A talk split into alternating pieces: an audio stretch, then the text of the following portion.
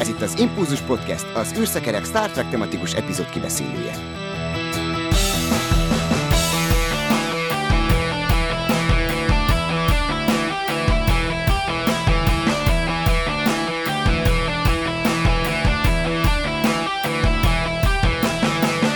Szervusztok! Ez a 204. Impulzus Podcast, és köszöntöm jelenlegi adásunkban Magdit. Szia!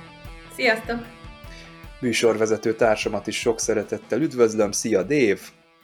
Szia, sziasztok! Én pedig Csaba vagyok. Mai adásunkban pedig a Q-Who című epizódot fogjuk kibeszélni, és hát ez nem csak egy Q epizód, hanem itt mutatkozik be a Borg, és Magdi, neked van egy Borg önarcképed, amit ki is tettünk már az Impulzus Podcastnek a Facebook oldalára, de hát tartozik ehhez egy történet minden bizonyal, tehát hogyan keletkezett ez, vagy miből jött ez, hogy neked le kell rajzolnod magadat Borgként? Hát ez onnan jött, hogy én már nagyon rég Star Trek rajongó voltam már akkor, mert ilyen, ez kb. 20 évesen rajzoltam ezt a képet, és én ilyen 12-13 évesen találkoztam a Star Trekkel, és az volt a története, hogy a főiskolai grafika tanárom csinált egy ilyen alkotó telepet, ahova meghívott egy-egy diákot, és az volt, mindenféle kreatív feladatokat kaptunk, amit ott kellett megcsinálni, és az volt az egyik feladat, hogy önnarcképet kell rajzolni, és nem szokványos módon, tehát nem csak így lerajzolod magad, hanem ami jellemző, ennek gondolod magad. És viccesen hozzátette a, a grafika tanár, hogy amelyik lány a legcsúnyább képet készíti magáról, annak fizet egy sört, mert a lányok általában inkább megszépítik magukat, és így inkább ilyen virágokkal, meg kis pillangókkal teszik körül magukat. És ugye én gondoltam, hogy rám mi jellemző, hát Star Trek rajongó vagyok, hát lerajzoltam magam borként, és hát ugye kopaszon, csövekkel a fejemből kiálló, csövek, minden, és akkor a, mikor volt ez a terítés, így hívják, tehát akkor megnézik a rajzokat, akkor így nézte a tanár rajzokat, az enyémnél megállt, és azt mondta, neked két sört fizetek. És a többi versenyző az, az mivel készült vajon? Vagy hát, azt nem lehetett látni?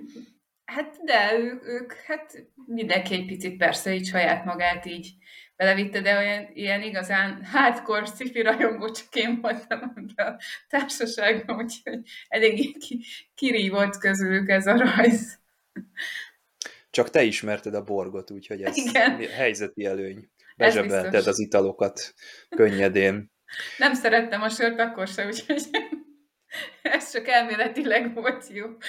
Csak a dicsőség miatt Igen. csináltad akkor. Na, hát nézzük meg a heti híreinket. Február 13-án volt 20 éve, hogy Malcolm és Trip benragadtak az egyes űrkompban, az Enterprise című sorozatban, és ennek örömére Conor Trinir és Dominic Keating egy ilyen felolvasást terveznek, egy ilyen table read.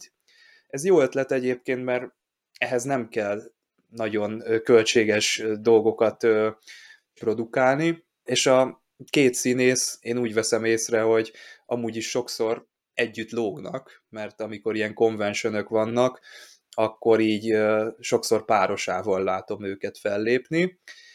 Az Enterprise-ban azt hiszem, hogy mondhatjuk, hogy ez egy, ez egy jellegzetes és ismert epizód. Nektek milyen emlékeitek vannak erről?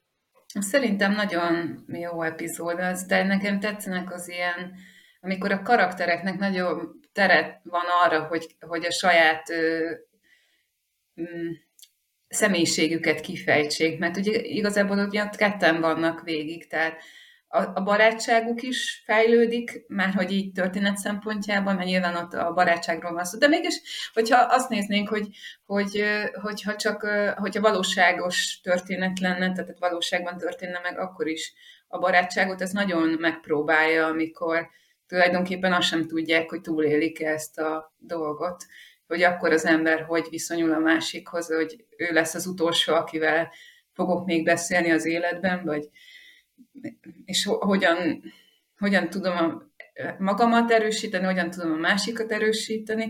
Szerintem ez, ez nagyon érdekes kérdés. A másik az, hogy ez, bennem ez az epizód mindig azt a kérdést veti még föl, hogy vajon ki lenne az, akivel én ezt így kibírnám? Ajaj. Kivel szeretnék így összezárva lenni? Itt az Szerint... a legjobb, hogyha meglepetés, tehát meglepetés. random ember kerül oda. Annyira nem szeretnék ilyen helyzetbe kerülni, még random sem, de, de szóval mindenképpen olyan legyen, aki szórakoztató. Mert hogy az biztos, hogy egy... De ez olyan, mint kicsit tudod milyen, mint amikor liftbe szorul az ember. Igen. És így és összezárva van a másikkal, és akkor, mit tudom én, kommunikálni kell, beszélgetni, kibírni ezt az időszakot, minden. Ott pedig általában azért a kilitbe szorul, azt úgy, hogy meg lesz mentve, csak, csak időkérdése. De azért kínosan végig kell beszélgetni azt az időt. Na, ahhoz tudnám hasonlítani, igen. Hát, hát kivel, a... kivel szeretnél egy liftbe szorulni órákra, akkor ez a kérdés. Az a Babylon be egyébként megtörténik a, a liftes. De ha a Star Trek karaktert Ja, a Star Trek karakter? Ezzel még gondolkodom, amíg Dave válaszol. Jó. Kitalálom végére. Hát én nem is tudom, ezek nagyon jó alapszituációk, szinte az ember azt érzi, hogy ilyenkor mintha egy színpad lenne az egész epizód, egy színházi előadás, egy jó dráma, és ilyeneket ugye az eredeti sorozatban azért láttunk, tehát ezek a nagy hosszú párbeszédek és később a többi sorozat az jobban rá tudott állni persze erre, hogy két szereplőt tudjon összezárni, tehát párosítani idézőjelben egy kalandra, vagy éppen ilyen mélyebb lelkizős történetre. De van, ami ugye bejött, van, ami nem jött be, tehát van, van amely két szereplő sosem találkozott. Például volt ugye az a liftes rész Tuvokkal, meg Nirixel. Ők ugye egy űrliftben mennének fölfelé ugye a stratoszférán túl, de ott is egy meghibásítás van, még talán ki is kell mászni túvoknak, de ott is a két személy erősen egymásnak feszül. És egy jó epizód. Független attól, hogy most ott vannak azok az aszteroidák, azok, amik lehet, hogy mesterségesek, ami szintén egy bombasztikus jó sztori, és mégis ennek a két személynek a, a, a dialógussal foglalja el az epizód nagy részét, és ezért jó a Star Trek, hogy azért hogy mindig erre nagy hangsúlyt fektet, hogy a karaktereket jól mm, kidolgozza. Nem tudom, volt-e már ilyen felolvasás amúgy egy epizódokból, ez nagyon érdekes, hogy a színészek úgymond újra feldolgozzák, hát 20 év múlva azért kicsit változik a helyzet. Lásd, hogy amikor most Robert Duncan McNeil és Garrett Wang is, hát ők gyakorlatilag újraérik az epizódokat podcastjukban. Már nem is tudom, hol tartanak, de őket már nehéz lesz behozni egyszer már utolérjék őket. Már átlépték a küszöböt. A, ott az, volt két azt, is. Már azt is. Ja, igen, hát ott ő nélkül nem lehetett volna megcsinálni. Még egy ilyen felolvasással az jut eszembe, hogy most a, mm, Németországban is megjelent hangos könyvként az az eredetileg persze angol nyelvű regény, nyomtatott, illetve hangos könyv formában is, aminek az a címe, hát magyarul, hogy az örök hely.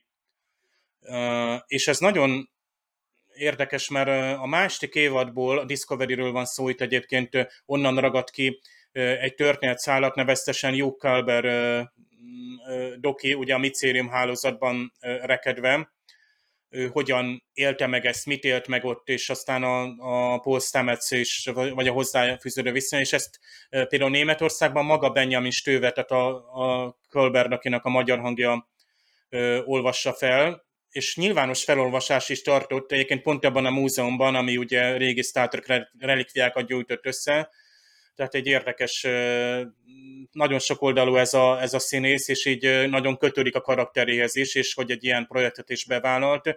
Ott nem csak felolvasás volt, hanem meg, utána megbeszélés például ott a helyi rajongókkal. Azt hiszem talán valamilyen videóformában is elérhető lesz ez, illetve hát hangos könyv az azt hiszem megvásárolható ezek a side projektek eléggé jól kiegészítik a Star Trek-nek azt a gerincét, hogy ide mindenféle műfajt, rást, Soltrex és egyéb rá lehet pakolni, ami karakterkifejtősek vagy kísérletezőek, de mindenképpen minél többféle nézőhöz el tudnak jutni. Na, közben kigondoltam. Détával szeretnék. Hát, tudtam, hogy ez lesz. És először fogod magad és kikapcsolt, hogy ne zavarjon a fecsegítő. Ne, nekem szórakoztatna szerintem, de amúgy meg nagyobb esélyem volna, hogy esetleg meg is tud menteni.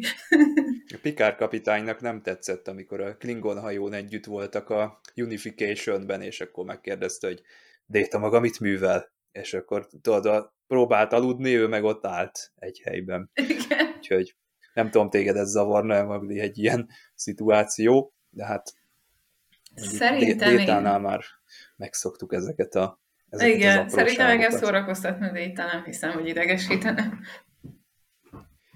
Na, hát Kelvin filmet kapunk 2023 karácsonyi időszakában. Matt Shackman lesz a rendező, ezt tudtuk már tavaly is, illetve akkor is mondták, hogy ez valószínűleg egy Kelvin film lesz, de most, most bejelentették, hogy igen, vagy megerősítették, hogy igen.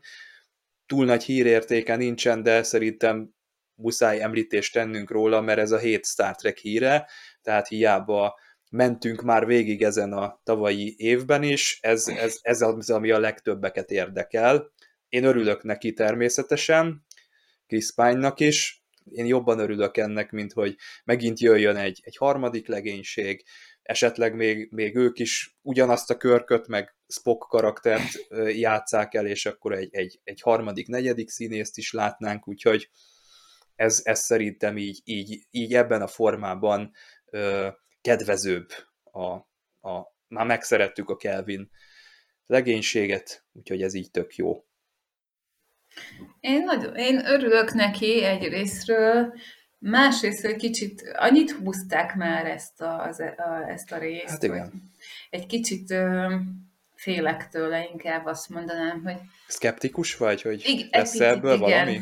Igen, mert hát, meg volt annyi hír róla. elkezdenek forgatni, de, de igazad van. Majd akkor elhiszem, amikor... Amikor el... már láttuk. Igen, körülbelül akkor, amikor a bemutató lesz. Igen, addig bármilyen hírt így nagyon szkeptikusan fogadok, mert a rendezői székbe is hány embert ültettek, már Quentin Tarantinóról is volt egyszer szó. Úgyhogy nem tudom. Azt nem olvastam, de hogy ugye már hogy az új hírek között, hogy ugye visszatér a, a körkapját játszó Chris Hemsworth? Chris Hemsworth, ez az? Uh-huh. Ő nem Mert, tudom, hogy visszatér Nem, nem? Mert az eredeti Szerintem. koncepcióban nem volt benne, az azt hiszem, hogy... Uh-huh. Akkor lehet, hogy másik. Ja, ez az idő, időutazós, helyreállítós, uh-huh. az, az pedig nekem is annyira nekem tetszett, is tetszett volna. volna. Igen, én azt vártam. Az egy jó. És miért ne lenne most egy időutazás? Blockbuster filmekről beszélünk, kalandfilmekről, nyugodtan lehet egy kicsit fan ö, ö, ö, projekt. Én, én örülök, legalább lesz egyet több jó film, amit hogy újra lehet nézni, hogy aztán ez lezárás lesz, vagy esetleg még itt, itt tovább folytatódik. Én nekem az biztató, hogy ez egy befektetői sajtótájékoztatón volt, tehát nem csak úgymond a nézőknek, ugye ismerik már Alex Kurtzmannek ugye nagyon jól hangzó ígéreteit, hogy igen, úton van és dolgozunk rajta. Egyébként persze biztos dolgoznak rajta, de most fognak úgy dolgozni rajta, hogy itt már tehát elkezdenek a, tehát a produkciós, majd látjuk majd szerintem az ilyen szuper látják majd, hogy stúdióhelyeket foglaltak le, és időket béreltek, és VFX-esek fognak majd itt képbe kerülni, és egyéb casting hírek jönnek esetleg híres mellékszereplőkről, Kán vagy nem Kán. Jó, jöhet. Egyébként most ugye Matt Shackmanről emlékszem, hogy tavaly beszéltünk, mert ott már akkor már a WandaVision lement, hogy azt Igen. ő rendezte, és az, az tök jó ilyen kísérletező műfaj volt. Nyilván itt ez teljesen más, amit itt fog csinálni. Én kicsit Noah Hawley-t most uh, sajnálom, mert uh, pont ezen a héten ment a tévében Noah Hawley-nak egy, uh, hát nem mondom azt, hogy sci mert én ezt nem sci tartom, egy jó filmdráma, ami űrhajózásról szól. Van egy űrhajósnőnk, egyébként Natalie Portman játsza, és őrült jó benne. Tehát körülbelül, aki nem ismeri Natalie Portman, egy óra összeg nem jön rá, hogy ő az. Nagyon jó. Arról szól, hogy ő fent volt az ISS-em, és annyira, lásd William Shatner, Shatner nem ott volt, de a Natalie Portman figuráját annyira lenyűgözte, most a mm, nem spoileresen beszélek, tehát annyira lenyűgözte, amit ott fent látott, nevezetesen a föld és minden, hogy mire, mikor visszatér, nem tud mit kezdeni az egész, az egész életével, a férjével, a Ez Erről szól a történet. Ez egy filmdráma, tehát ő lehetne egy ö, olajtúró, olajfúró, uh, olajfúró tornyon is munkás, ö, vagy bármi irodai ö, munkás. Bár ez az űr élmény, ez egy nagyon sajátos, tehát itt ezt, ezt lehet hova, ö, hova tenni és jó dráma. Tehát így, ilyen módon a Nahóritól no, egy ilyen típusút szívesen megnéztem volna, de az nem egy Kelvin film lett volna. És apró üdes szín volt, ez már bőven a Discovery, és ez 19-es film amúgy. Tig Notaro ott van.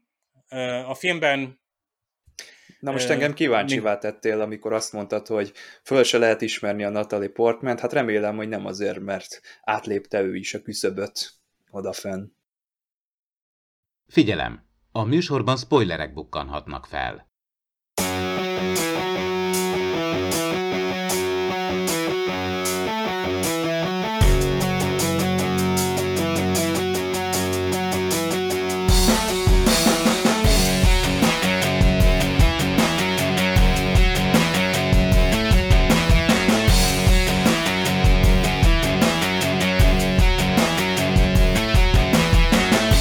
Nem jött be a Ferengi a közönségnek. Hát a eltervezett főgonosz az új nemzedékben, az csúfos kudarcot vallott. Aztán, hogy később mi történt, az már egy másik történet. Szerintem a Ferengi azért megtalálta a helyét a Star Trek univerzumban, csak nem abban a helyi értékben, ahogy eredetileg eltervezték. Viszont itt a TNG második évadában Morris Hurley elhatározta, hogy hát azért le kéne tenni az asztalra valami félelmetes ellenséget, és akkor jött a Borgnak az ötlete. Ezt egyébként a semleges zónában az első évad utolsó epizódjában meg is alapozták, ami egy trilógiának lett volna a nyitó darabja, de aztán jött a hollywoodi írósztrájk abban az időben, és nem került kidolgozásra ez a történet. Egészen itt a második évad végéig, közepéig kellett várni, amíg ez az ötlet megvalósulhatott. Itt a Q-Who című epizódban, amit ma fogunk megbeszélni továbbra is Magdival és Dévvel.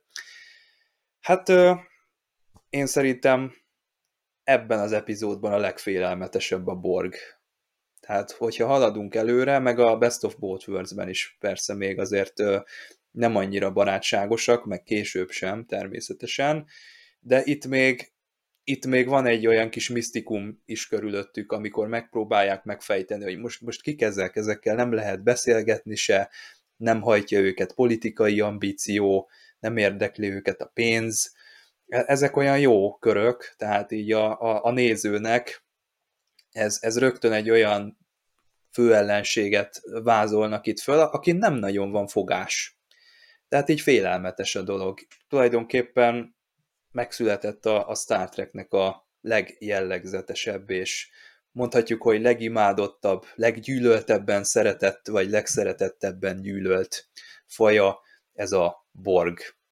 Hát igazad van, bár már hogy abban, hogy a legfélmentes, azért félmentes igen ebben még, mert annyira nem ismerjük őket, de azért a borg az végig félelmetes számomra, tehát akárhol, akármikor megjelenik a, a borg, az, az borg marad akkor is.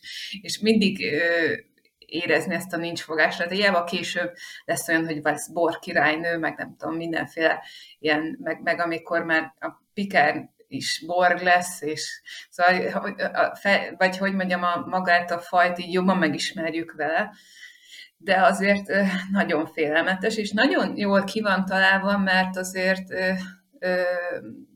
ezt, ezt a fajt azért nem véletlenül vitték be utána később még mozifilmbe is.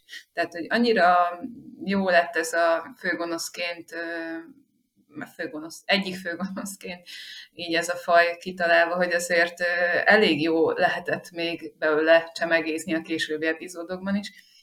Nekem az róla mindig eszembe a borgról, hogy voltam ugye Londonban mindig emlegettem, de hát az egy nagy élmény volt, amikor ilyen előadásokat hallgattam, és a Jerry Ryan mesélt a, arról, hogy őt amikor meghívták ugye a sorozatba, hogy ő eleve a hetes, hetesnek a szerepére hívták, és ő nem nézett Star Trek-et, ő nem, nem nagyon ismerte a sorozat. Úgy mondta, hogy a 60-as évekbeli Star Trekről tudott valamit, de ő úgy nem követte kifejezetten így a többi sorozatot, és mondták neki, hogy Borgot fog játszani, mondta, jó, jó, jó, majd Borgot persze, és adtak neki egy pár epizódot, hogy nézze meg, hogy mégis mi az a Borg, és mondta, hogy mikor először meglátta őket, így az epizódok, vagy mondta, hogy kb. így nézte az epizódokat, tehát, hogy áh, kizárt, hogy ő ilyet játszon, ő biztos, hogy kopazok, csúlyák, úristen, miért gondoltak őre, hogy ő ilyet fog játszani, és aztán mondta, hogy a producer mutatott neki így képeket, hogy milyen ruhát képzeltek el neki, meg hogy ezt a fűzős,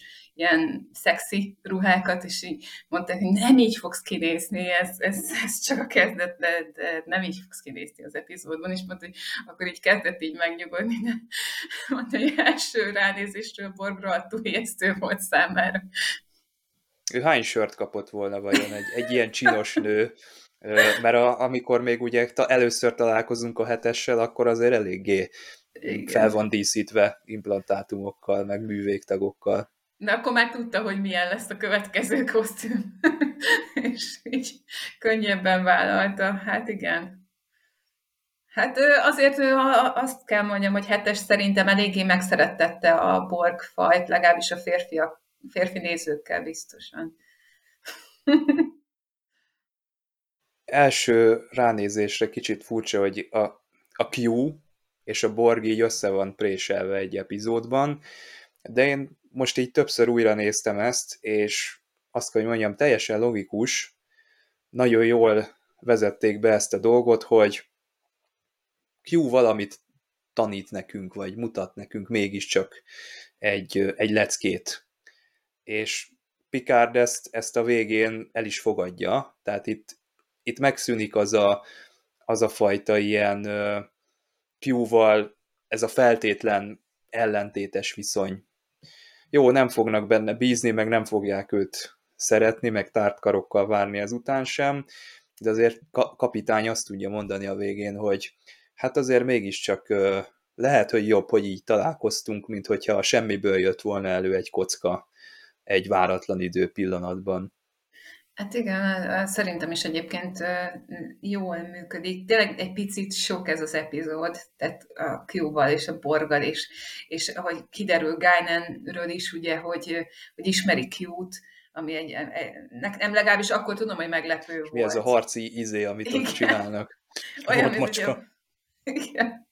Szóval így nagyon érdekes ez a, ez a kitekintés, hogy ugye Guynanről sem nagyon sokat itt mindig egy pici információt megtudunk róla, de azért mindig olyan misztikus figura marad azért szerintem a végéig. Guinan egy imp, egy kobold, vagy nem is tudom minek uh-huh. fordították. Ez olyan érdekessé teszi, és tényleg kár, hogy ezt úgy nem kezdték el jobban kibontani, uh-huh. hogy akkor ők hogyan fognak harcolni, vagy, vagy mi az ellentét, vagy, vagy, vagy mi lesz ebből, de lehet, hogy a Picard második évadában, a Star Trek Picard sorozatban, ja, hát igen. mivel hogy ott lesz a Whoopi Goldberg is, meg ott lesz a John Delancey is, feltételezem, hogy csak összeeresztik őket.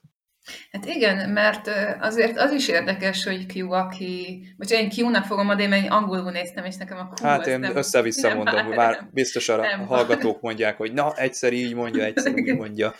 Szóval, hogy, hogy Q-nak azért olyan, te tartsz valamely, valamelyest Guynantől, ami tök érdekesé teszi, hogy Guinan, aki egyébként ott a csillagbárban felszolgál italokat, és jön egy ilyen mindenható lény, és tart tőle. Tehát, hogy, hogy egy kicsit, egy picit félelmetesé teszi Guynantől, hogy milyen képességei vannak neki, amiről mi nem tudunk, és ami, ami Cuba is egy ilyen nem tudom, egy kicsit néha úgy csinálom, csak idegesíteni, na de hát, hogyha csak egy ilyen emberszerű figura lenne, akkor nem idegesítené. Tehát, hogyha nem volna egy ilyen tartás tőle, ami, ami miatt nem mer vele úgy nagyon kikezdeni, csak így szóban ilyen szókaratét vívnak. Szájkarate. Szájkarate, ez az szájkarate. Hát nem tudom, szóval egy érdekes, érdekesek az erőviszonyok vége a filmben, meg hogy így tényleg, ahogy hát Pikárnak a tartása, az, az is egy karakterfejlődés, nem karakterfejlődés, mert benne van, csak az, hogy jobban megismerjük, és látjuk, hogy ő nem enged, ő akkor is végigcsinálja, bár igaz, hogy közben meg ugye itt veszteség is éri azért a hajót, tehát azért ez egy drámai rész ilyen szempontból. Hát a Q azt mondja, hogy a, a Borg az igazi gépember, és nekem ez az epizód, ez nem úgy volt meg, hogy ez egy borgos epizód, ez sokkal inkább a Q manipulációjáról szólt, hogy most a lehető legrosszabb módon próbált, de akarat ellenére mégis tanítani vagy oktatni, és ezt Pikár nehezen tűri, mert mi magunk szeretnénk felfedezni. Igen, tényleg ott vagyunk, hogy most eljutottunk a galaxis olyan részébe, ahol, ahol tényleg most felderítetlen és különleges csodálatos dolgok várnak rá, de rettenetes dolgok is, de mi ezt szeretnénk. Tehát mi erre alkalmasak vagyunk, és ezt már ugye az első kaland alkalmával próbálta Picard Q felé közölni, rögzíteni, hogy van jogunk kint tartózkodni a galaxisban. Már nem az a fajta emberek vagyunk, vagy majd megfelelő módon tovább fejlődünk és tudunk alkalmazkodni. És ez a találkozás ugye idő előtt zajlott lesz, ezt, ezt tudjuk. Erről szól végig is az epizód, hogy ki írti a, a borgot a, az Enterprise első borkocka útjában. Hát mondjuk 6-7 ezer fényév, nem is tudom, hogy ez már van-e a Delta kvadráns, lehet, hogy pont a széle. De nem vagyunk még fölkészülve, tehát egy ilyen típusú ellenfélre még nem számítunk tehát melyet nem érdekelnek ugye a politikai érdekek, vagy a, a mondjuk a hatalom, tehát csak a technológia, vagy igazából itt a legdurvább, hogy, pusztán nyersanyagnak tekint minket. Tehát még csak mi se érdekeljük, átnéznek rajtunk, átjárkálnak a pajzsunkon, és és persze az, amit a, odaát is látunk, hogy, hogy itt a szerves és szervetlen, egyébként ez Gájnnal is elmagyarázza, hogy ez meg, meg, milyen hatalmas, és már itt, itt ezeket a méreteket tudják ábrázolni. Egyáltalán a borkocka mérete, a belső méretek, az a rengeteg dolgozó, azért ha vizuális trükkökkel analóg módon megvan oldva, de mégis lenyűgöző és félelmetes. Tehát tényleg a, azért itt a rajongók leestek a székről. Tehát én azt mondom, hogy a, a Star Trek-et a technológia, miatt nézők, azokat abszolút meggyőzte a Borg, meg az, az ultimatív technológiai jelenfél. Teljesen másképp látjuk a Borgot, de már a lényeges dolgok elhangzanak, vagy, vagy kiderítjük. És itt is az a lényeg, hogy a saját szemünkkel győződünk meg róla. Tehát az, hogy Q összefoglalja, Guinan összefoglalja, és így lexikonszerűen elmondja, hogy már itt százer éve ők építik magukat, és, és fejlődnek, Egyébként ez, ez számomra ez teljesen, tehát a, a, a kezdetektől fogva, tehát annyira jól le van itt írva a Borg, annyira jól látni a működését, láss, hogy hogyan alkalmazkodik, tehát nem lehet uh, rálőni. Tehát az a nyerserő, amit például Worf képvisel, hogy oda tehát, uh, rálő, és, és uh, nem hat a fézer, azt érezzük, hogy hú, itt meg átjön a pajzson, és akkor egyszer csak ott van a gépházban, érezzük, hogy itt, a, itt átlépik a, megint a Star Treknek azt a határát, és ugye pont kivel van szembeállítva a Q-nek ezzel a mesés hatalmával, amivel ő ugye mondjuk helyet cserél Détával, rákerül a hídon, ide fekszik, odaül, és itt van egy, egy abszolút technológiai fölénye rendelkező ellenfél. És érdekes, hogy ide a bornak a világába Q vezet be, tehát ő egyfajta utikalauz, aki, mint karakter, mondhatni egy, egy ilyen, ilyen prototípussal, tehát különböző kalandfilmeknek. Tehát van a néha idegesítő vagy izgága, de mindenképpen a, a cselekményt előre mozdító egy ilyen figura, a legtöbb ilyen kalandfilmben, science fictionben is, aki már úgy benne van a, abban az univerzumban, vagy azon a területen jártas, és ő segíti ugye a hősünket. Most egy Obi-Wan Kenobi-ra lehet rögtön gondolni, és akkor ő mond el lényeges dolgokat, meg van, amit elhallgat nyilván, de van, amit a saját magunk szeretnénk megtapasztalni ezt az egészet. Tehát az, ami itt vár minket, tehát ennek az élményét veszi el ki Tehát ezért egy kicsit ugye mérgesek vagyunk Pikáról együtt, hogy nincs szükségünk kioktatásra. Igen, majd beütjük az orrunkat, azt hiszem mondja is ki, hogy az, aki ettől fél, azt nem tudom, bújjon be a takarója alá, és vagy küldjünk szondákat, lásd, mostában elhangzik, hogy most menjünk-e a Marsra. Tehát amikor a legnagyobb költséget azt jelenti, hogy pakoljunk oda ugye a, a, az ember alá a túlélés biztosító, meg a táp, táplálékot, levegőt, stb.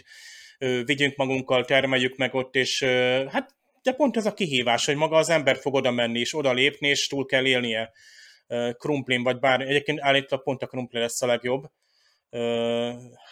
de... Mert démonnak akkor igaza volt. Igen. Mert démon nyithatna egy ilyen gyárat, ahol letermeli a hát pétisót mondjuk, mindegy.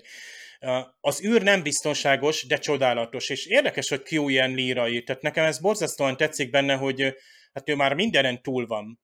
És mégis azt hiszem, hogy kirúgták a Q univerzumból valahogy őt, őt, őt és ide csatlakozna ő, és én egyébként persze mai eszemmel simán elfogadnám a segítségét, ok, okvetetlenkedne és zavarna, de úgy a Q az ilyen kezelhető karakter, azért szereti meg egyre jobban a néző is, meg őrült jól játsza a John Delancey ezt a szerepet. Tehát nagyon jó. Hát a, a Guinan is jó, bár egy kicsit, kicsit azért itt ez az over the top, hogy Guinan, és akkor itt már, már itt kiderül, vagy 200 éves kobold, amikor ezt csinálja, akkor ugye még az néző azt, azt is hiszi, hogy majd őnek is van valami szuper képessége, és de jó, hogy nincsen, mert azért kicsit sok lenne. De hát a hetedik mozifilmben egyébként különös, hogy az nem egy borgos film, de hát ott, ott ugye Sorrendről derül ki, hogy ő is El, El Aurian, ugye, és Igen. ők ugye nagyon hosszú ideig élnek, csak úgymond figyelnek. Figyelnek, ugye a, a, a világ változik körülöttük, ők meg úgy szóván jól ellennének, tehát a, a borg az, ami elpusztítja őket, vagy szétszórja őket, és őket, tehát ők sem tudnak védekezni tehát a hosszú életkoruk ellenére. És ez nagyon érdekes, mert ott is Gainen van, aki, aki ugye fölismeri Szorent, és akkor egy ilyen ö, ott is van valamilyen ilyen, ilyen mint egy misztikus, hogy, hogy, hogy nem bíznak egymásban, meg tehát Gainen ott is csupa rosszat mond a Sorrendről, azt hiszem, vagy nem. Nem rosszat, hanem ugye, hogy ugye ott a Nexus, Nexusra van, ugye ő nagyon rákattanva, itt meg a, a Q meg ugye miránk van rákattanva, és ezért ez nagyon érdekes, hogy ő annélkül, hogy akarná, gyakorlatilag olyan módon tanít minket, ahogy nem akarja. Tehát ez a, mondjuk, hogy az fordított pszichológia, de de akkor is, tehát az epizódban engem zavar, hogy itt ki kellett volna valakit venni. Tehát a Gainen és a Q ne ismerje egymást, vagy ne a Q vigyen a borg elé, hanem legyen valami, nem tudom, üzemszavar és odasodródunk, vagy az utazó, vagy bánom is én, de, de, de ez, ez kicsit, meg ez a 18 ember, ez túl nagy lecke. De nem így... mondja a legjobb mondatokat szerintem az eligazításon, amikor ugye a Borgról kérdezik, akkor, akkor az úgy jól van megírva. De az a jelenet viszont vicces, amikor ugye Guy nézi a csillagbárban a borkockát, és akkor a Pikát felhívja, és azt mondja neki, hogy Gájnen fáradjon át az irodájába, és akkor ott kapcsolja be, és nézi a képernyőt keresztül tovább ugyanazt a borkockát. Hát, hogy tudjon ott beszélni, vagy kísérni a meg a... a, a, abban a jelenetben nekem az a furcsa, hogy Gájnen ilyen, ilyen tök lazán így elmondja, ja, egyébként ez a borg, ez nagyon veszélyes, és ilyen, de semmi olyan, hogy úristen, ez a borg, azonnal menjünk innen, és meneküljünk, és nem, hanem olyan... Hát az igen, ideges lesz, amikor a Riker közli, hogy átmennek a Arra igen, arra igen, de, de szerintetek ők jártak a borkockán? Szerint, nekem... Igen. Szerintem nem. Szerintem az emberek ilyenek, tehát az ember faj ilyen, hogy ilyen kíváncsi vagyok, meg akarom nézni. És szerintem ő, ők nem ilyenek az, a, a Gainenék, tehát ő, ők inkább, az, amit mondtak, hogy megfigyelő, ők ilyen megfigyelők, de, de nem azok, akik elébe mennek a dolgoknak, hanem inkább ilyen háttérből figyelnek, és szerintem ezért ilyet meg, mert, mert mi, hogy még át is megyünk ezekhez, hát ezek nagyon veszélyesek, de mondom, hogy amúgy meg nem a, a furcsa volt, hogy azért annyira nem lett ideges, csak annyi, hogy hát ezt inkább hagyjuk, inkább kerüljük meg. Egyáltalán egyébként miért van Guiden a hajón? És mióta? Mert ugye Dave, te azt, azt mondtad, hogy ő, ő lehet, hogy egész végig itt volt, csak mi a második évadban kezdtük el észlelni őt. Sőt, lehet, hogy Pikát már 500 év óta ismeri. De az is Igen. jól, tehát nincs, az is egy retcon lenne, de hát ugye nincs megzavarva a kontinuitás. Ilyen módon a Enterprise-t is jól el lehet fogadni, mert hát jól, jól beilleszkedik előtörténetekkel. Egyébként Guinan, főleg a magyarban nagyon jó hozza ezt, hogy nagyon komor a hangja. Igen. Tehát ha ezt magyarul nézed, lehet, hogy ott a színész, ahogy nézte az epizódot, érezte, hogy itt ez valami nagyon sötét, és Guinan egyenesen vészjósló. Tehát érezzük azt, hogy tényleg, ugye ez a koboldalra majd egy kicsit kitérek szinkron között, hogy tényleg mit, mit, miért mondja ezt talán Q. Még a hangoknál egyébként érdekes, hogy a Borg hangja az eredetiben nem elég, tehát ezt az uniszólót, amit később akár a Voyager-ben megszoktunk, még annyira nem érezzük, mert lehet, hogy 7.1-ben kellett volna hallgatni. Csak a magyarban ez úgy hangzik, mint a hupikék, törpikék, tehát ez, ez énekelnének, és tehát valahogy így, így nekem nem jön át, pedig ez annyira erőteljes, tehát főleg amikor ez a Borgnak ez az imperatív, ez a nagyon erőteljes felszólítás, amikor már ugye a szabványos bejelentkező üdvözlés, hogy mindenüket asszimiláljuk. Egyébként az asszimiláció fogalma már itt is fölmerül, hogy mit is jelent ez, hogy gyakorlatilag itt egyfajta bekebelezésről van, inkább konzium, tehát elfogyasztásról, felhasználják a technológiát, és ilyen módon a, a nyersanyagot is felhasználják. Mi később a Borg finomítva lesz olyan értelemben, csak az arra érdemes vagy méltót asszimilálja. Tehát úcskavasat nem veszünk, hanem csak az értékeset integrálja saját magába. Bár ezt meg lehet kérdezni, ez asszimiláció vagy integráció, mert az integráció során, egyébként ezt politikai értelemben is szokták mondani, hogy, hogy a, az európai integráció az nem asszimiláció, tehát az itt, itt az országokat, nemzeteket nem beasszimilálja akár az Unió, vagy a, a bevándorló más nemzetből származó polgárokat sem, hanem egy integrációt szeretne végrehajtani, uh-huh. amivel te a saját integritásodat, úgymond a saját magadat teljesen megőrzöd, és úgy lépsz be egy közösségbe. A Borg nem ilyen. Tehát a Borg kollektíve az, az, az Ott nem csak egy borgok, Borg van, a, a Borg dolgozók vannak a, a kollektívában, tehát nincsen már egyénisége senkinek. Mondtátok mindketten, hogy Picard a végsőkig ellenáll, de én azért megkérdezném, hogy tényleg a végsőkig ellenáll, mert ha Körkre gondolok mondjuk, ő aztán biztos, hogy a végsőkig ellenállt volna. Már csak azért is, mert mi van, hogyha megsemmisül az Enterprise? Tehát Kúnak az érdeke? Akkor ő nem tudja megtanítani a leckét senkinek, hogyha mindenki meghal. És lehet, hogy Picard belekapaszkodhatott volna ebbe a gondolatba, hogy hát ha mind oda veszünk, akkor mi értelme ennek az egésznek? Mi értelme a figyelmeztetésnek? Hát igen, de azért az áldozat mennyiségesen elhanyagolható, tehát hogy most 18 emberről volt szó, de uh-huh. nem, nem tudom most így fejből hányan szolgálnak most a Pikárnak a hajóján, de mondjuk nem Ezer mindegy, valamennyi. Hogy, hogy 100 pusztul el, vagy 18 pusztul el, és Q-nak úgy látszik, hogy az így, hát az a járulékos veszteség, ez a, ez a tanulság, és őt valószínűleg nem izgatta volna annyira az se, hogy százan pusztulnak el. Azért Pikárt ez azért csak érdekli, hogy, hogy kik maradnak életben. Érdekes, hogy egyébként ennek ellenére, persze nyilván ez ilyenkor ilyen névtelen dolog, hogy hát 18 ember meghalt. A... De ott azon a ponton szerintem, amikor már a kocka üldözi a hajót, mm-hmm. akkor ott már vagy mindenki meghal, vagy mindenki túléli, mert ott már egy lövéssel szerintem Igen. az egész hajót meg tudják semmisíteni. Uh-huh. Igen, Ezért ez gondoltam azt, hogy hogyha körkülne a székbe, ő lehet, hogy azt mondta volna, hogy hát a végsőkig ellenáll a, a Q ajánlatának. Hát Q, ő egyébként nézzétek meg, Cisco-val sem működött. Igen. Tehát abszolút nem, nem tud, hát és egy epizód majd is jelent csak meg Deep Space Nine-ban, és ugye még az is van, hogy, hogy azt mondja, hogy nem, hogy nem olyan, mint Picard, valamit mond neki, és, és vagy mondja a Cisco, hogy én nem vagyok Picard. Tehát, hogy körkel sem működnek jó.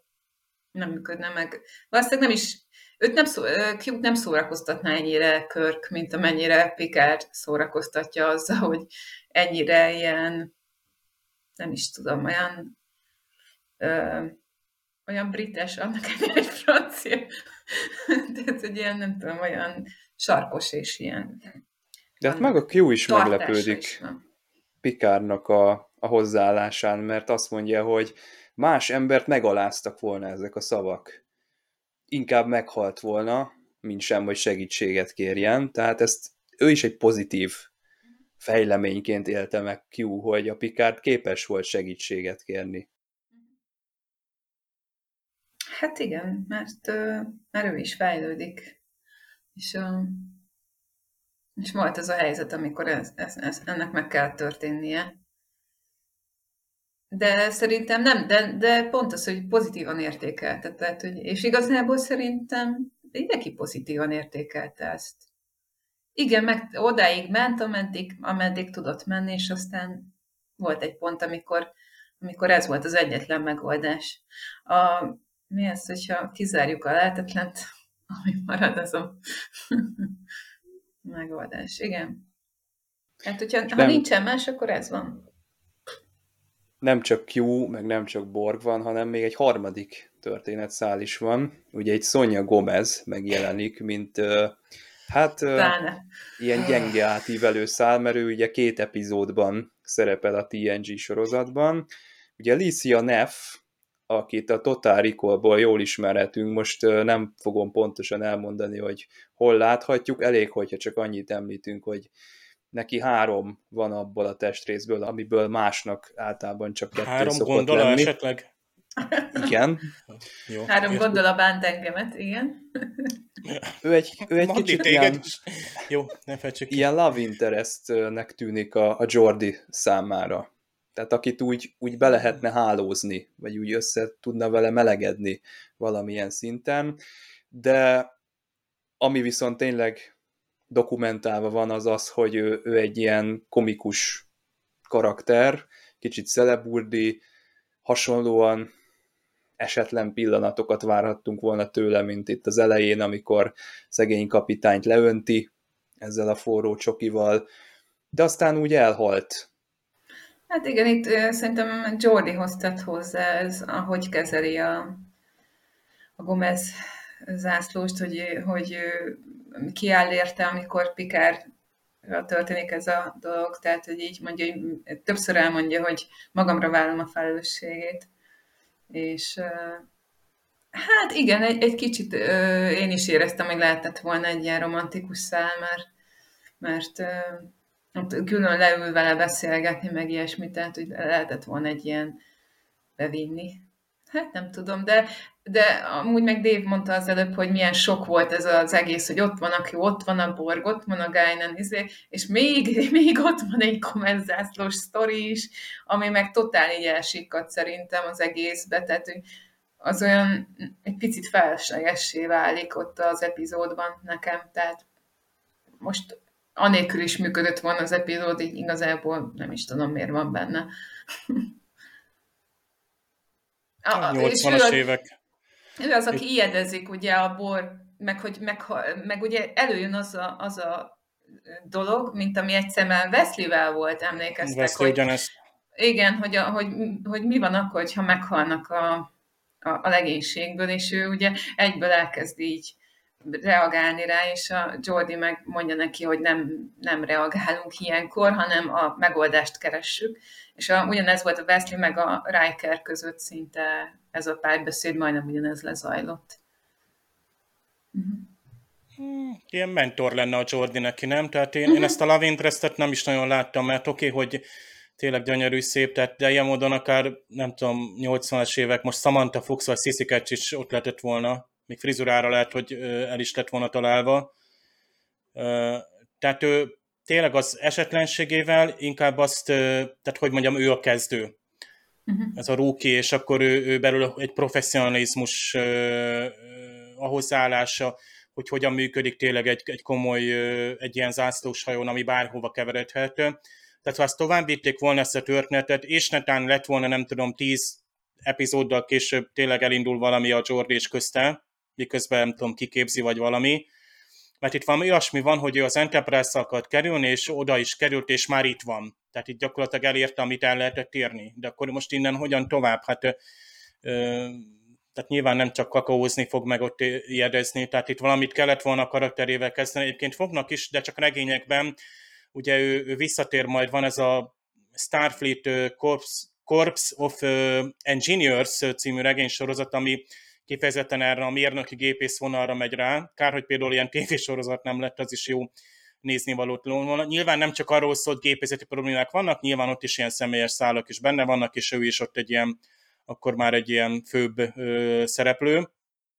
Lehetett volna továbbvinni. vicces, amin én nevettem, hogy valami olyasmi kerül, olyasmi kerül szóba, azt mondja Jordi neki, az enterprise csak a legjobbak kerülhetnek, hát én nekem így inkább azt fogalmazolok meg bennem, hogy itt inkább az, hogy a, a castingba csak a legjobb ilyen mellékszereplő hölgyek kerülhetnek, mert itt csupa, tehát csupa jó nő, aki itt az Enterprise-ra keveredik, bármelyik Enterprise-ra, tehát olyan, mintha itt Laforsnak átadták volna, hogy hát hadnagy, itt 20 végzett akadémiai, friss, ö, ö, nem is tudom, most nagyon csúnya leszek egyébként, de hát tehát 20 növendék végzett az akadémián, mind kiváló minősítéssel, a Laforge elkezdi átnézni, jó 12 férfi, akkor az tornó, akkor lássuk a hölgyeket, vörösek mondjuk kilőve, no, jó, és itt rossz májú voltam nagyon, nyilván nem, meg Advanced Human, ugye Jordi is, bár Jordi is pont a főmérnöknőbe lesz szerelmes, a tervezőnőben, a, legalábbis a virtuális modelljébe, és hát az például viszont egy jobb szálnak tartom, ha a laforge akarjuk egy kicsit fejleszteni, de túl sok lett volna nyilván ebben a, az epizódban. Viszont hát a kakaós jelenet az, az, az páratlan. Tehát az a, azt már csak az Orville tudja utánozni.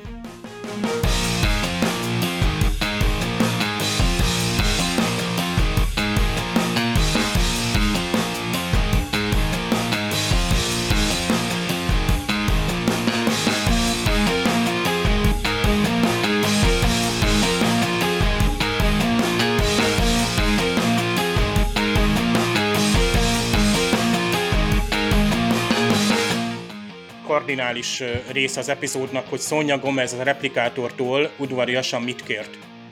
Kakaót, vagy pedig csokoládét. Lehetne egy kvízt indítani, vagy valamilyen szavazást komoly nyereményekért. Mondjuk például egy Borg túrát. Volt is valami Borg ilyen kalandpark, tudjátok, Las Vegasban voltak ezek az élő szereplős ilyen, hogy bementél, föl voltak öltözve ilyen színészek, meg időnként előjött valami igazi komolyabb színész is. Mindegy, Sonja Gomez hot chocolate, tehát forró csokoládét kér, bár ránézése tényleg valami kakó vagy kapicsonó féleség, de hát végül is csokoládét önt Pikár kapitányra, de a magyarban következtesen a Jordi is azt mondja, meg még Sonja is Pikárnak, hogy de hát minden egy csupa kakaó, vagy nem is tudom, ami szintén egy jó kis kezdőpont lenne valamelyik, azt hiszem a TNG-ből készült a legtöbb ilyen szexparódia tehát el tudok képzelni ilyen, ilyen ott nem a vízverték szereplő csetlik botlik a 10 perces történet elején, hanem mondjuk a Szonya Gomez és a Pikár kapitány kakóval leöntik egymást, és abból ki lehet indítani egy, egy ilyen magvas történetet. No de, Pikár kapitány hát turboliftbe kerül egyedül, és hát megérkezik a komfedélzetre, azt hiszem vagy inkább a kompnak egy bejáratához, és ott lát egy valakit a félhomályban. Ez nagyon jó belépő egyébként. Q, aki egy csinnaratrával szokott megérkezni, az most ilyen félhomályban kuksol, mint egy ilyen micsoda is ő. Legénységi tag. Na most ezzel minden Star Trek sorozatnak gondja van, hogy hát egy, a legénységnek egy tagja, úgy ezek a crewmenek, azokból itt ezer körül van, és Picard hát itt a Voyager-ben azért kicsit megmosolygott, szóval ő már itt, itt bizony bevezetik a matróz, matrózom, matrózom, vagy nem is tudom. Tehát Picard crewman, magyarul matróz, mi történik itt? És hát Q az, aki természetesen felajánlja a tisztító szolgáltatásait, meg egyéb ö, mellékesen elég komoly ö, ez az ajánkozás egyébként alapvetően egy nagyon érdekes Q részéről, akinek semmi nem kéne felajánlania. De Picard érdekes módon úgy replikázik, hogy hát ha, ha ő nem tér vissza, legfeljebb Riker lesz a hajó kapitánya. Ez érdekes, mert ezzel Picard azt fejezi ki, hogy egyrészt ezzel egyet is ért, másrészt a, tényleg így működik a úgymond ilyen öröklési sorrend, hogyha kiesik a kapitány, akkor jön az első tiszt. Én ezt a múltkor pont megszáfoltam, hogy szerintem egy új kapitányt hoznak, de itt maga Pikár mondja is, lehet, hogy ez a, a protokoll. És hát uh, hamarosan sor kerül Guinan és Q-nak az első összecsapására. Ez inkább verbális szerencsére, tehát nem lesz belőle egy ilyen, ilyen furcsa, uh, esetleg eltúlzott ilyen, ilyen, hát nem tudom, ilyen harcművészeti vagy bármi egyéb küzdelem. A lényeg az, hogy hát bizony Q kimondja azt, hogy ez a lény nem az, aminek látszik, hanem ugye she's an imp, és akkor ezen ugye elgondolkozik a néző, akár angol, akár magyarul nézi, Egyébként koboldnak fordítják, amúgy olyan, aki hát ilyen, nem az, akinek kiadja magát, tehát ilyen huncut, kópé, pajkos, lurkó, ördögfióka, estek szárnyas lény, tehát így a Gainen továbbra is ugyanolyan misztikus marad ezzel, és nincs is kifejtve a továbbiakban, hogy esetleg még különleges képessége van-e azon túl, hogy figyel és jó tanácsokat tud adni. Egy pozitívat ad egyébként mond Gainen, hogy azt, hogy nem minden Q egyforma. Ez elég érdekes, mert ezzel azt fejezi ki, hogy van más is rajta kívül. Tehát Gainen kész, kész lexikonként így, így ledarálja nekünk a, a Q-k, meg a, a Borg lényegi részeit is. És hát hamar találkozunk a Borg kockával, ami lenyűgöző bármelyik típusú változtat nézzük ennek az epizódnak, és a készségben is azért szerintem még a mozifilmben, egészen a mozifilmnekig az epizódok ezek tudják nyújtani azt a nagy erejű találkozást, amit a Borg biztosít a Star Trekben. Détának például azt tűnik fel, hogy ez a hajó szerkezete furcsán egységesnek tűnik, generalized, és ez egy fontos ismérve a bornak, hogy már a, technológia felépítése is egy ilyen, ilyen gyakorlatilag minden része pótolható, tehát tök mindegy, hogy hova lősz, gyakorlatilag azonnal helyettesíthető, tehát mint egy nagy Matrix. Ugye azt hiszem így is hivatkozunk, Unimatrixról van szó a borban, ami ugye egy, egy ilyen, ilyen óriási, tehát egymással kicserélhető egységeknek a, a halmaza, tehát meg nem határozott központtal. Itt is nincsen híd, nincsen ilyen kommandó tehát ilyen vezérlő központ nincsen, gépészet nincsen, nincsenek legénységi kabinok. Később, amikor Data egy rövid trikorderes vizsgálat során például azt azonnal megállapítja, hogy a, azban az alkóban vagy fülkében lévő borg, hát ő, ő neki már nincs egyénisége, tehát gyakorlatilag ő le van választva. Pontosabban hát pont, hogy a többiekkel, tehát az individuális, tehát egy nagyobb egységenek a részei, egésznek a részei megszűnt külön életformának ö, ö, lenni. Egy látványos része az epizódnak szintén a Borgnak a rendkívüli erejét ö, bemutatván, ahogy hát több rétegnyi fedélzetet fűrészel ki, tehát sebészi pontossággal a Borg hajó, tehát ilyet még nem láttunk, és szerintem utána se nagyon. Ezt is ugye hát praktikus effektén kell előállítva, ez lenyűgöző. Riker, aki ugye ez a Han Solo-i lazasággal, hogy hát már sütnek minket, pontosabban felszeltelnek, mint egy sültet. Carving us like roast, ami ugye ilyen pecsenye rostéos, egyébként egybesült hús, ami megint a különösen bolgra utal, hogy egy minden egyben. Most vesz egy mintát tőlünk, de amúgy más nem érdekli, és inkább a technológia érdekli. Ha ott a minta vételi helyen, tehát több fedélzet, több szekciója, vagy egy azonos szekciók egymás alatt, ott emberek is voltak, azokat viszi ö, magával. Rijkerék elindulnak a borghajóra. Hát itt O'Brien tanulja ennek itt megint ezzel az egykedőséggel. Riker itt egyébként azt a parancsot adja angolul, hogy set phasers to stun, but be ready to increase power, tehát legyenek készelétben arra, hogy megnöveljék, tehát a kábító fokozatról a fézernek az erejét.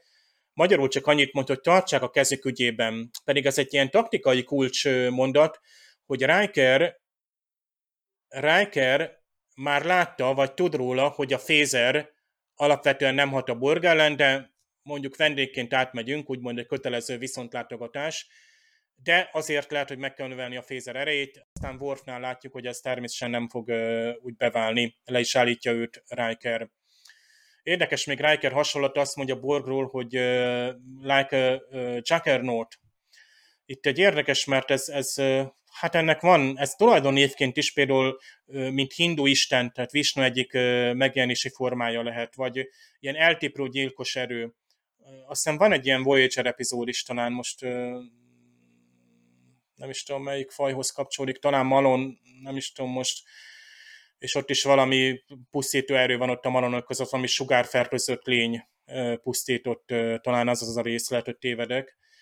Mindenesetre egy olyan eszmét is jelent, vagy intézményt, amiért egyesek föláldozzák magukat vakon. Egy kamionra is mondják, tehát ilyen ultimatív pusztító erő, és ez, ez például nagyon jó hasonlat, egy ilyen régies szó a borgra. Mert itt a borgot most körül kell járnunk, és minden oldalon meg kell ragadni, főleg ilyen szemtől szembeni találkozáskor. Tehát látjuk a kockát, és látjuk a dolgozót. És mind a kettő megállítatlan. Ugye egy dolgozó magában egy sérülékeny nek tűnik, de ugyanakkor a nagynak a része, ami önmagában hoz döntéseket, és végre is hajtja azokat. Egyébként itt még ugye nincs kifejtve, tehát például a királynőnek a, a miben léte az nagyon későn fog megélni a, a borgal kapcsolatban. Tehát egészen a mozifilmig kell várni. Ott pedig egy bizonyos dramaturgi funkciót tölt be inkább. A regenerálás is elhangzik, ami egy kulcsfogalom lesz majd a borg dolgozók szempontjából. Ugye ez a regenerating, amikor visszanyerjük, újjaalkotjuk az elveszett erőnket, akár egy, egy ilyen újra növesztést is jelent, megújódás, megjavítás, megjavítja magát, újjászületés, újjá alakul, javul. Tehát ezzel nagyon jó hát kifejezést találtak annak leírására, hogy miért annyira erőteljes és elpusztítatatlan a borg.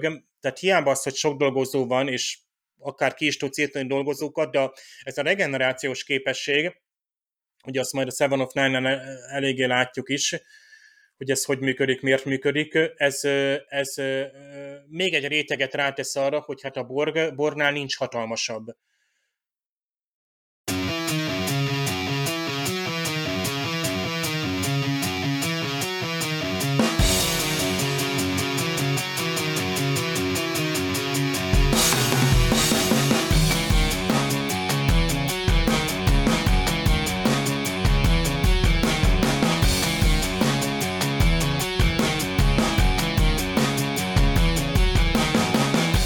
Hát ha rongyosra lehetne nézni egy Blu-ray lemezt, akkor ez megtörtént volna nálam itt az aktuális epizódnál.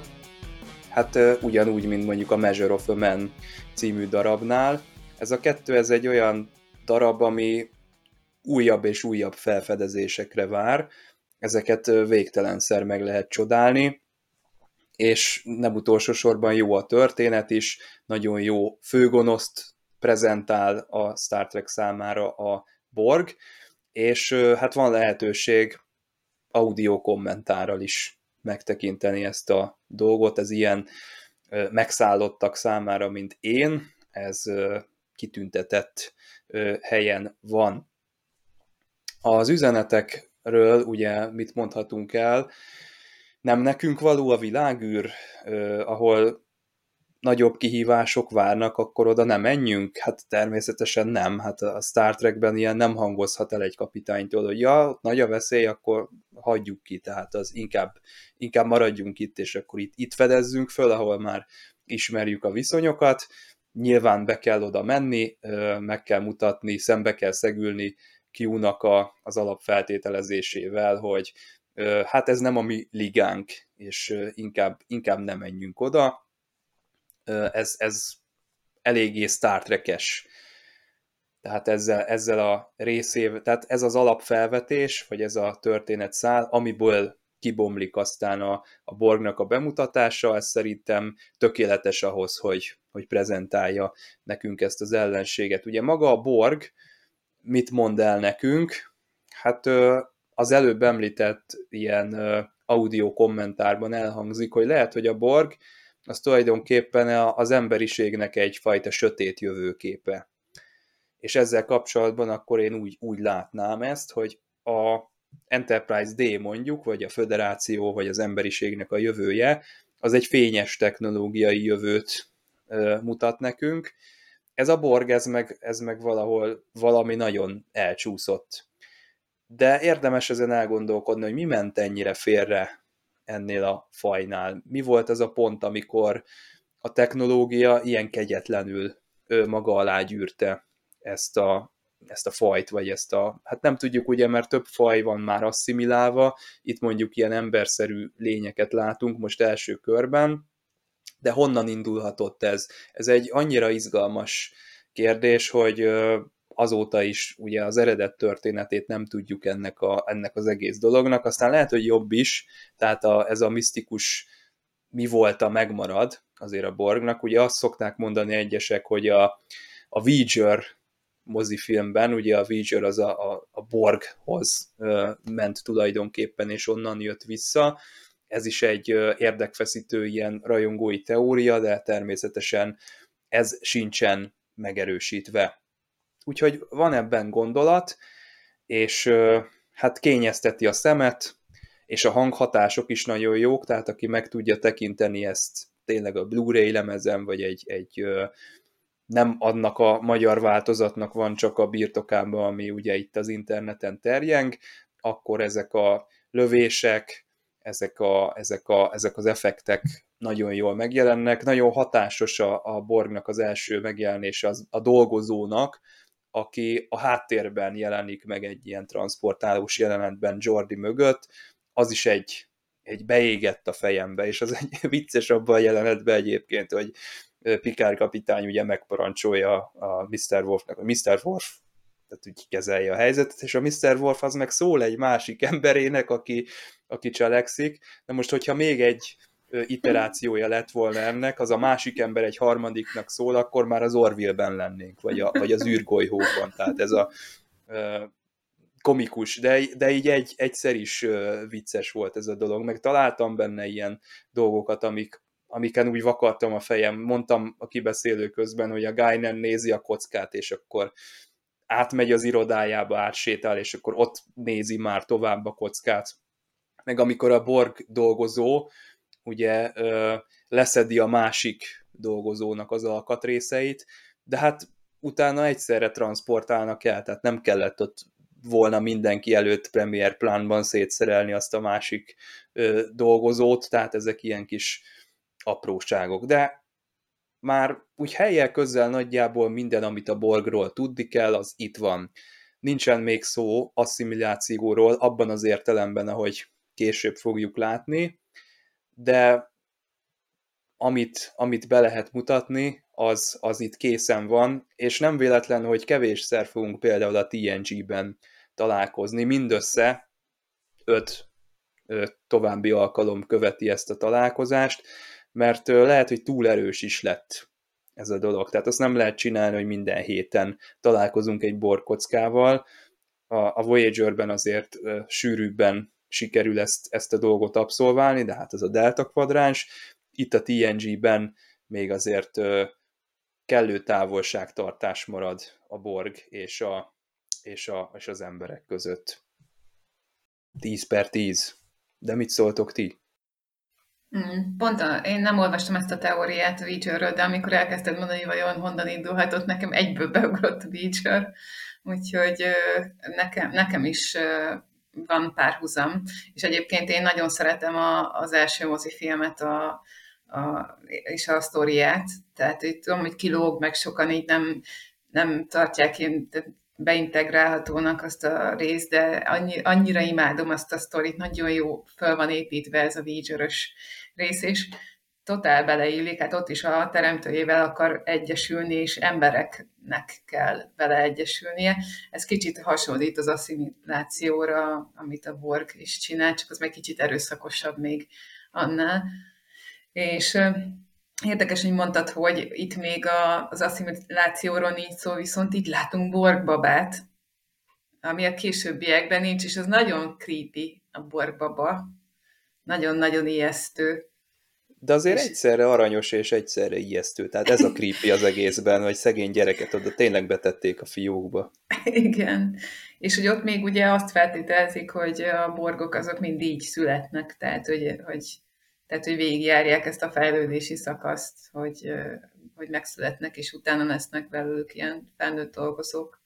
Még, még nincs szó arról, hogy asszimilálnak is és szóval érdekes maga az epizód, és, és szerintem abszolút egyetértek veled, hogy ez egy nagyon jó epizód, nagyon sok minden van benne, és nagyon össze van zsúfolva egy csomó minden, de, de nagyon jó a, a, én, én mindig azt szeretem, ezt már elmondtam többször, hogy amikor fejlődik a karakter is, nem csak, nem csak van egy sztori, és akkor azt így végéljük, hanem, hanem fejlődések vannak, és itt nagyon sokat ö, megtudunk a, a Pikárnak a személyiségéről, de mindig hozzátesz az egész epizód az ő mentalitásához.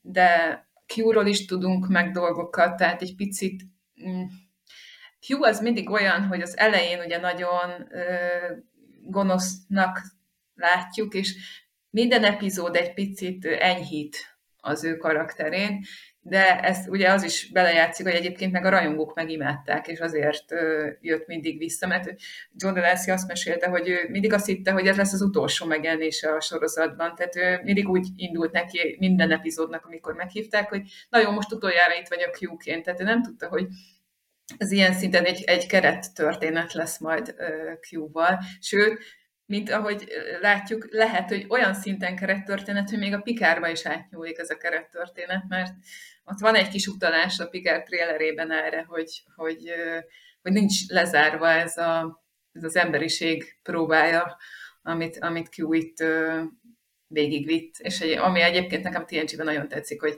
hogy az első epizód csatlakozik az utolsó epizódhoz, ez, ez zseniális. Szeretem az ilyen sorozatokat.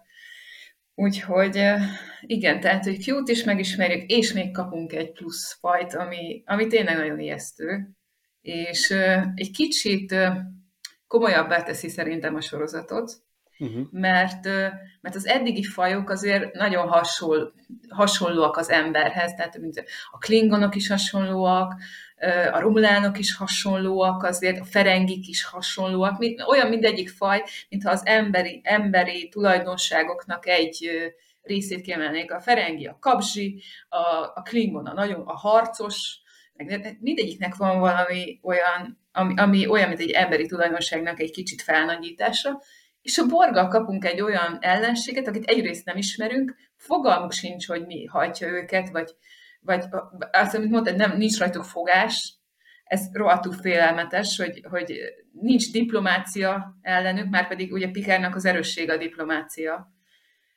És, és nem tudjuk bevetni még a, a, a Diana-nak se a, a beleérző képességet a borgokkal kapcsolatban, mit tud beleérezni, semmi. Tehát egyszerűen tényleg itt, itt az Enterprise találkozik egy olyan ellenféllel, akivel úgy nem tud mit kezdeni. És, és nagyon érdekes tényleg, hogy Q ezt igazából szerintem nem hagyta volna egyébként az Enterprise-t elpusztítani, mert csak azért sem merült most egy kicsit önös dolog is, de szórakoztatja az Enterprise, és ez a későbbi epizódokból is fog derülni, hogy tényleg így van. Szereti az embereket, nem vallaná be valószínűleg, hogy kifejezetten szereti őket, de, de hogy az emberek szórakoztatják, az biztos szerintem sokkal jobban, mint bármelyik másik faj, akivel találkozott. És szerintem ez egy kicsit benne van ebben az epizódban is, mert Úgyhogy tényleg, tényleg, ez, ez, ezt azért, hogyha ki kéne emelni, hogy milyen epizóddal mutatnám be az, a Star Trek-et, vagy mi az, amivel közelebb kerülhet valaki, aki mondjuk nem látott még egy epizódot, se ez, ez köztük lehetne. Mert ez elég jó ilyen szempontból, hogy ilyen a Star Treknek a gondolatvilágát elég jól átadja. Hát szívesen ott lettem volna akkor 89-ben a, azokban az otthonokban, amikor rajongók vagy barátok egymáshoz átmenve nézték először ezt az epizódot, és utána, vagy az másnap az iskolában, vagy bárhol elmondják, hogy hát te láttad tegnap a, a, a Star Trek-et, hogy hát, hát őrület, ilyen nincs, hogy ilyet, ilyet ez az eddigi legjobb, és Szerintem ez mind a mai napig képes lenyűgözni minket úgy is, hogy tudjuk, hogy mi lesz a, a borgból, és még úgy is, hogy tudjuk, hogy, hogy picit azért puhult a, a, a Borg Janeway kapitány munkássága alatt. Bár végig, végig olyan oldalák mutatta be ott is a Borgnak, amikkel gyakorlatilag nem nagyon tudunk mit kezdeni. Láss például a, akár már itt a TNG-ben megjelenő reasszimiláció, vagy az asszimiláció visszafordítása, tehát a, a újra individuumá válás ugye Hugh estében.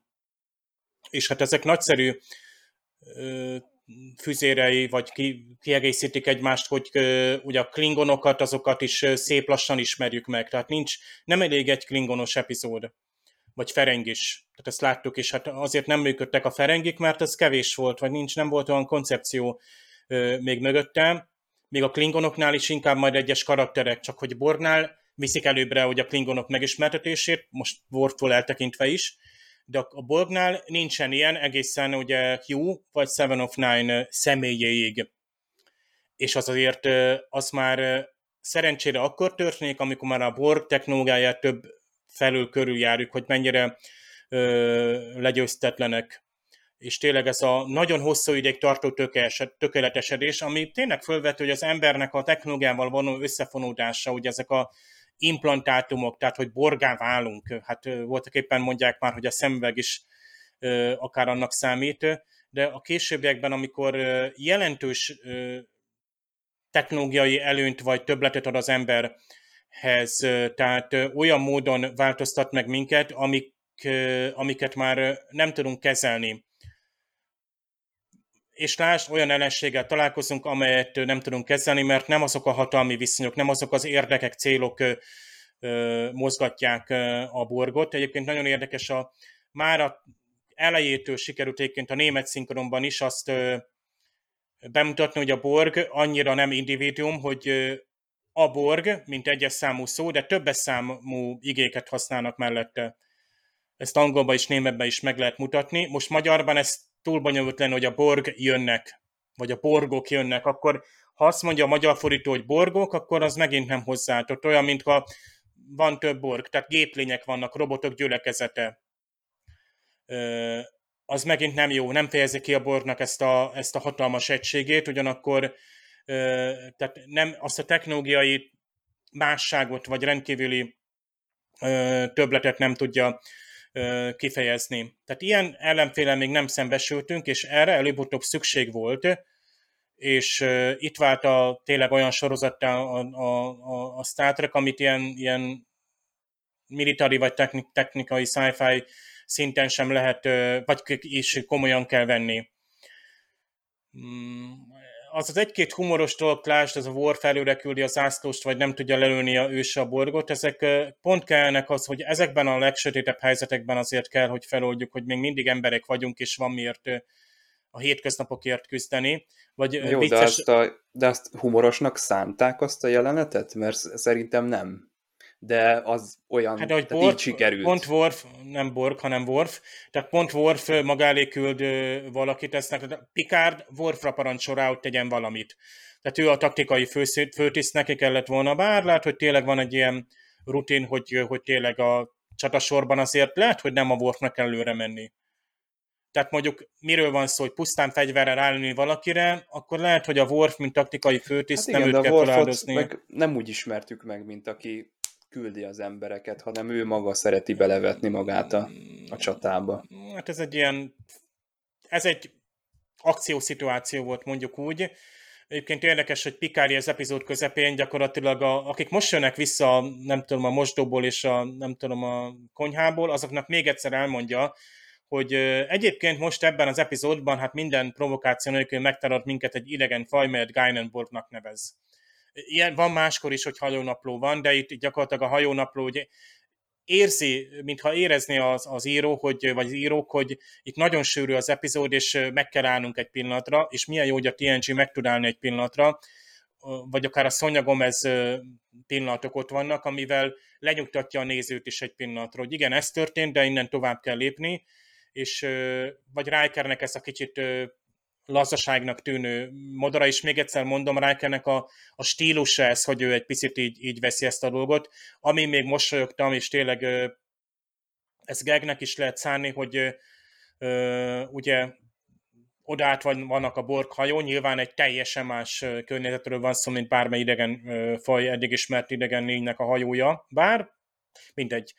Azért a, rögtön az első epizódban egy teljesen más lényel találkoztunk, de Ja, persze volt ismerős itt is, mert ezek a metró lámpák nekem a budapesti metrónak nagyon idézték ezt a tehéntőgy lámpáit, de lehet, hogy ez csak egy ilyen, ilyen hát föl kellett használni valamit nyilván ott is. A lényeg az, hogy Pikár ráparancsol Rikerre, hogy hát bővebben, és Riker ugye hát elkezdi mondani, azt mondja, hogy a fal mentén sorakoznak ezek a fülkeféleségek, és kettessével állnak a dolgozók, vagy ugyanúgy a amikor a csecsemő otthonnal, vagy nem is tudom, bölcsödével találkoznak, Picard kiadja a parancsot, írja le. És Riker szépen ugye nyilván elkezdi mondani. Bár nagyon jó, hogy ő következhet is, tehát úgy szóván egy jelentést ad, ami egyébként jó, mert ez a hajónaplóba belemegy.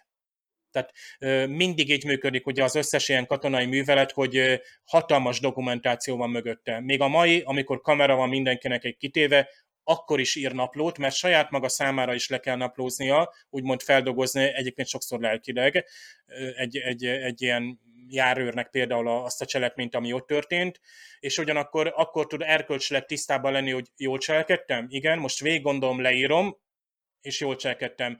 Csak számomra azért vicces ez, mert már a Burnhamnek is volt ilyen fejkamerája.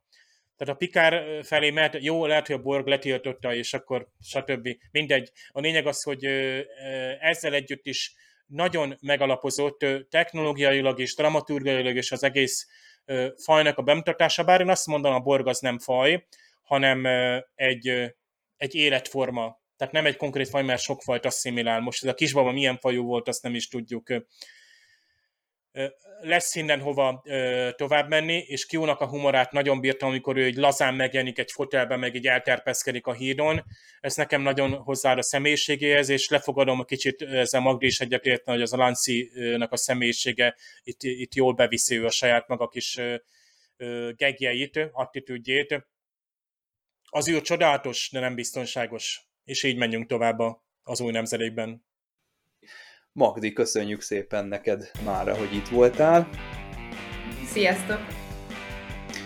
Dév, neked is köszönöm a jelenlétet, illetve a szakértelmet. Sziasztok! Sziasztok!